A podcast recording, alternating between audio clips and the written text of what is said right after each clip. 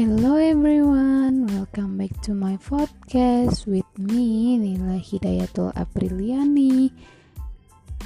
In this episode, I want to react to a video that I have watched in the intermediate oral communication module. Well, please listen to me carefully.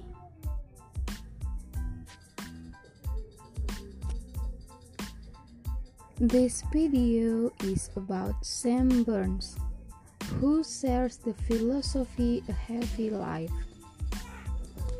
Sam is 17 years old. He has progeria. This disease affects only about 350 children in the world. So, this disease is very rare and the effects due to progeria are tight skin, weight loss, stone growth, and heart disease. According to Sam Berns, there are three aspects in this philosophy. The first aspect is be okay with what you ultimately can't do because there is so much you can do. The second aspect is surround yourself with people you want to be around.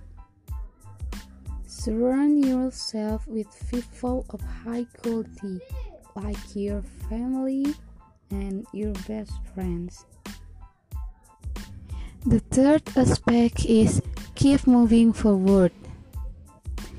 It doesn't have to be big, it could be anything from looking forward to the next comic book to come out, or going on a large family vacation, or hang out with your friends. Do things that make you focus and know that there is a bright future ahead and may get you through some difficult times that you may be having. Well, that's all from me. I'm sorry if there are mistakes and see you in the next material. Bye.